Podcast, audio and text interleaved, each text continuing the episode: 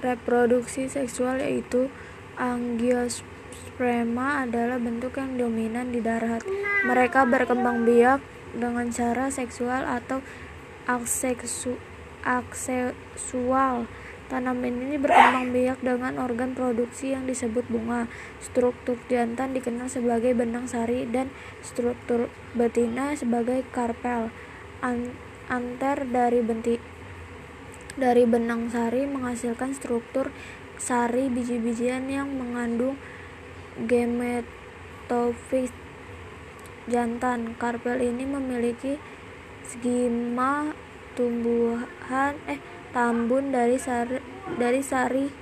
tambun sari dan bakal biji yang terletak pada ooemus. Pembukaan adalah proses transfer gamet jantan dengan ovula betina.